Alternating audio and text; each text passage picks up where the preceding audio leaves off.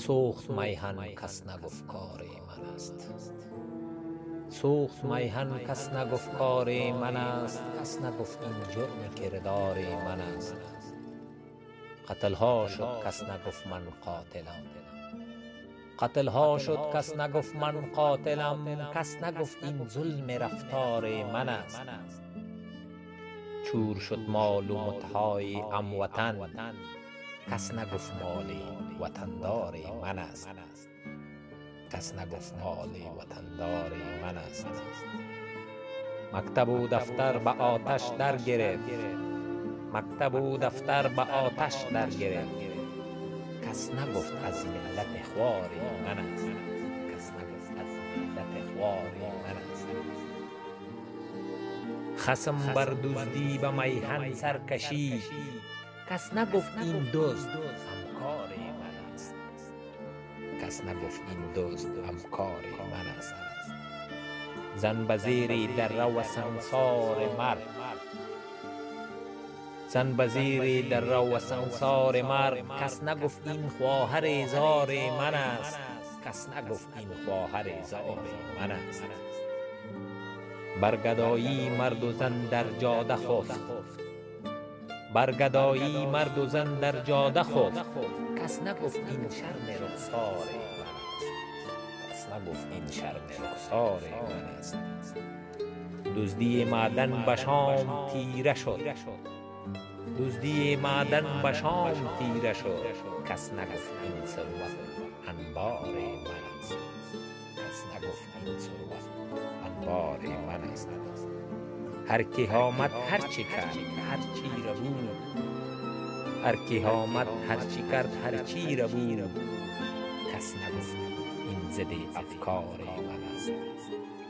کس نگفت این زده افکار من است. تشکر. دکلمه. عباسی آزاد.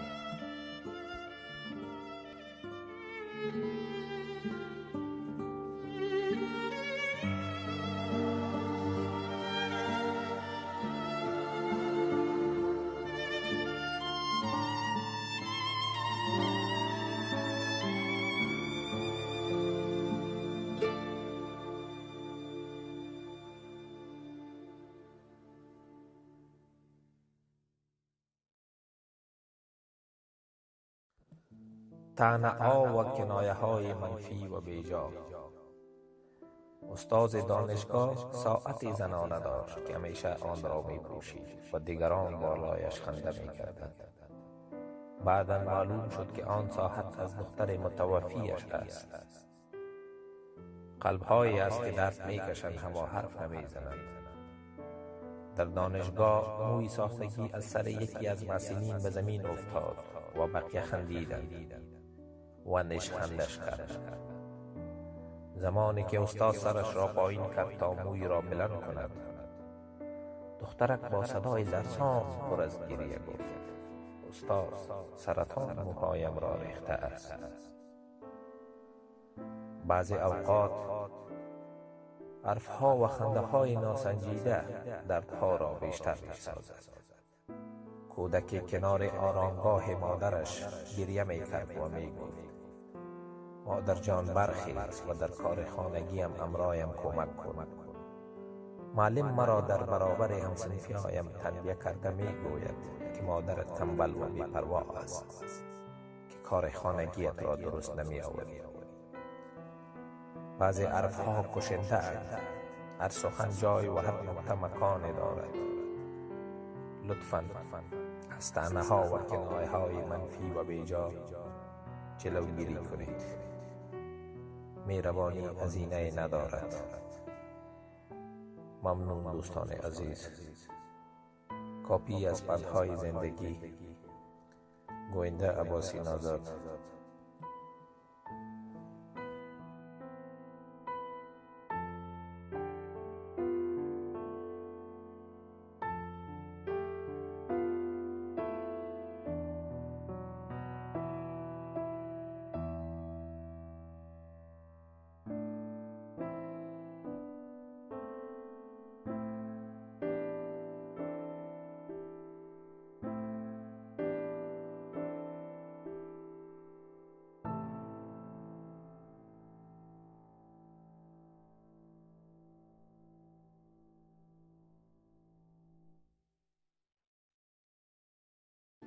یکی از داستانهای جنگ.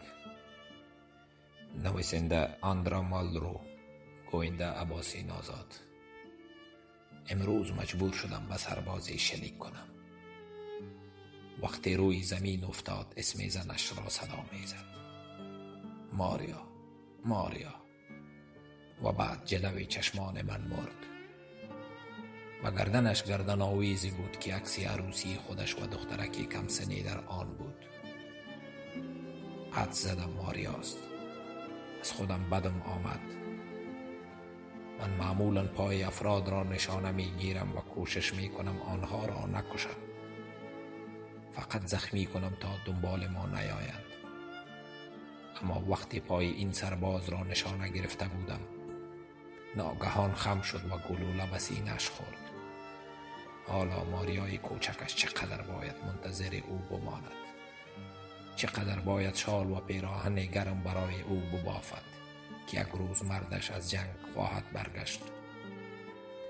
ماریا حتی نمی‌داند که مردش زیر باران برای آخرین بار فقط اسم او را صدا زد.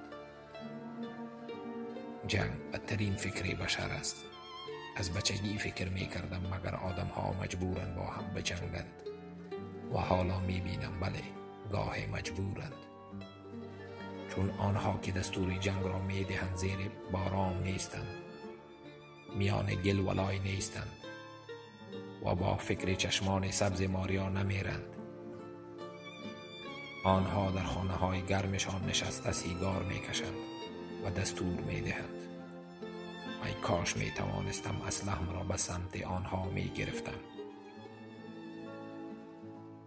که با یک خودنویس گرانبها حکم مرگ هزاران امسر ماریاها را امضا می کنند راحت تر حتی از نوشتن یک سلام. جنگ را شریرترین افراد برمی انگیزند و شریفترین افراد جامعه را اداره کرده می کشند جنگ دیگر بس است.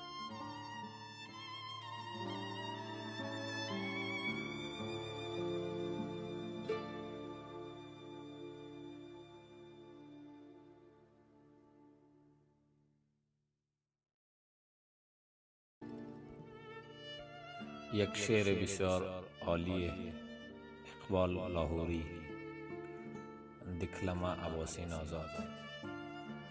دیوان و دل بسته اقبال خودت باش.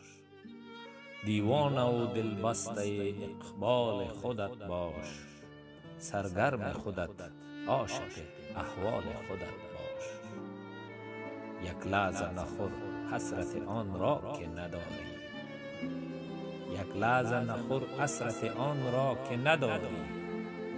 راضی به امینی چند قلم مال خودت باش. دنبال کسی باش که دنبال تو باشد. دنبال کسی باش که دنبال تو باشد. این گونه اگر نیست و دنبال خودت باش. پرواز قشنگ است ولی بیغم و منت. منت نکش از غیر و پر و بال خودت باش. صد سال اگر زنده بمانی گذرانی صد سال اگر زنده بمانی گذرانی پس شاکر هر لحظه و هر سال خودت باش. پس شاکر هر لحظه و هر سال داستان خیلی زیبا را امروز در فیسبوک شنیدم که می خواهم با شما دوستان شریک بسازم. با احترام عباسی نازاد پدر جوان قصه می کرد. با پدرم بحث کردم. صداها بالا گرفت و منجر به خفگی ما شد. با قهر و غصه از هم جدا شدیم و به تخت خوابم رفتم. و خدا قسم خواب از چشمانم پرید و اندو قلب و عقلم را فرا گرفتم. مثل همیشه سرم را روی بالشتم گذاشتم. اما غصه و تشویش مجال خواب راحت برایم نداد. روزی بعد از صنف بیرون آمدم و از طریق پیام برای پدرم نوشتم تا به این وسیله از او دلجویی کنم. در پیام نوشتم شنیدم که کف پای انسان از پشت پا نرمتر و لطیفتر است. آیا پاهای شما به من اجازه می دهد که با لبهایم از درستی این دعوا مطمئن شوم؟ به خانه رسیدم امین که در را باز کردم. دیدم پدرم در سالون منتظر من نشسته. و عشق از چشمانش جاری است. پدرم گفت اجازه نمی دهم که کف پایم را ببوسی ولی این گپ درست است و من شخصا بارها آن را تجربه کرده ام زمانی که تو کوچک بودی کف و پشت پاهای تو را می بوسیدم عشق از چشمانم سرازیر شد. و دیگر تحمل را از دست دادم تا توانستم زار زار گریه کردم. متوجه دلهای پدر باشید دوستان. هرگاه دل پدر بشکنه متوجه نمی شوی مثل مادر نیست که با بارانی شدن چشمهای میروانش برایت بفهمانه که دلش را شکسته ای دل پدر که بشکنه هیچ صدایی ندارد. اما اگر کمی دقت کنی شکسته شدن قامتش و اضافه شدن چین و چروک صورتش آتش به دلت می زند. یک روز پدرتان از این دنیا خواهد رفت. قبل از این که او را از دست دهید برایش بگویید دوستت دارم پدر جان. و به او نزدیک باشید تا حس نکند که او را ترک کرده اید. و اگر از دنیا رفته است یادش را گرامی داشته و در دعاهایتان فراموشش نکنید. پدر جان.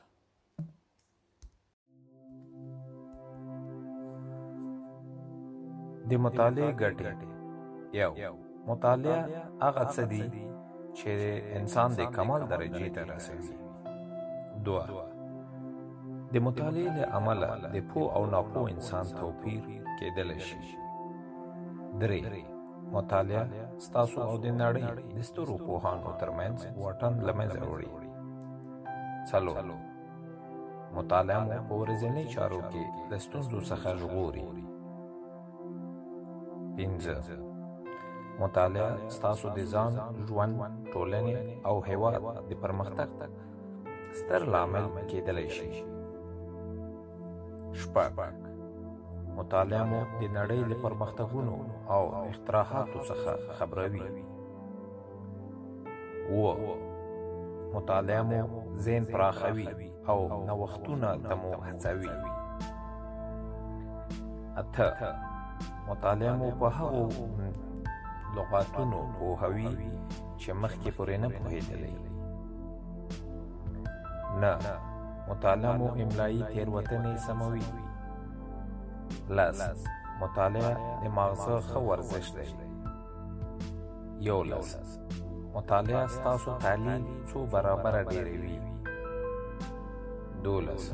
مطالعه کولی شي هغو موخو ته مو ورسوي چې په ژوند کې یې ورته د رسېدلو هیله لرو.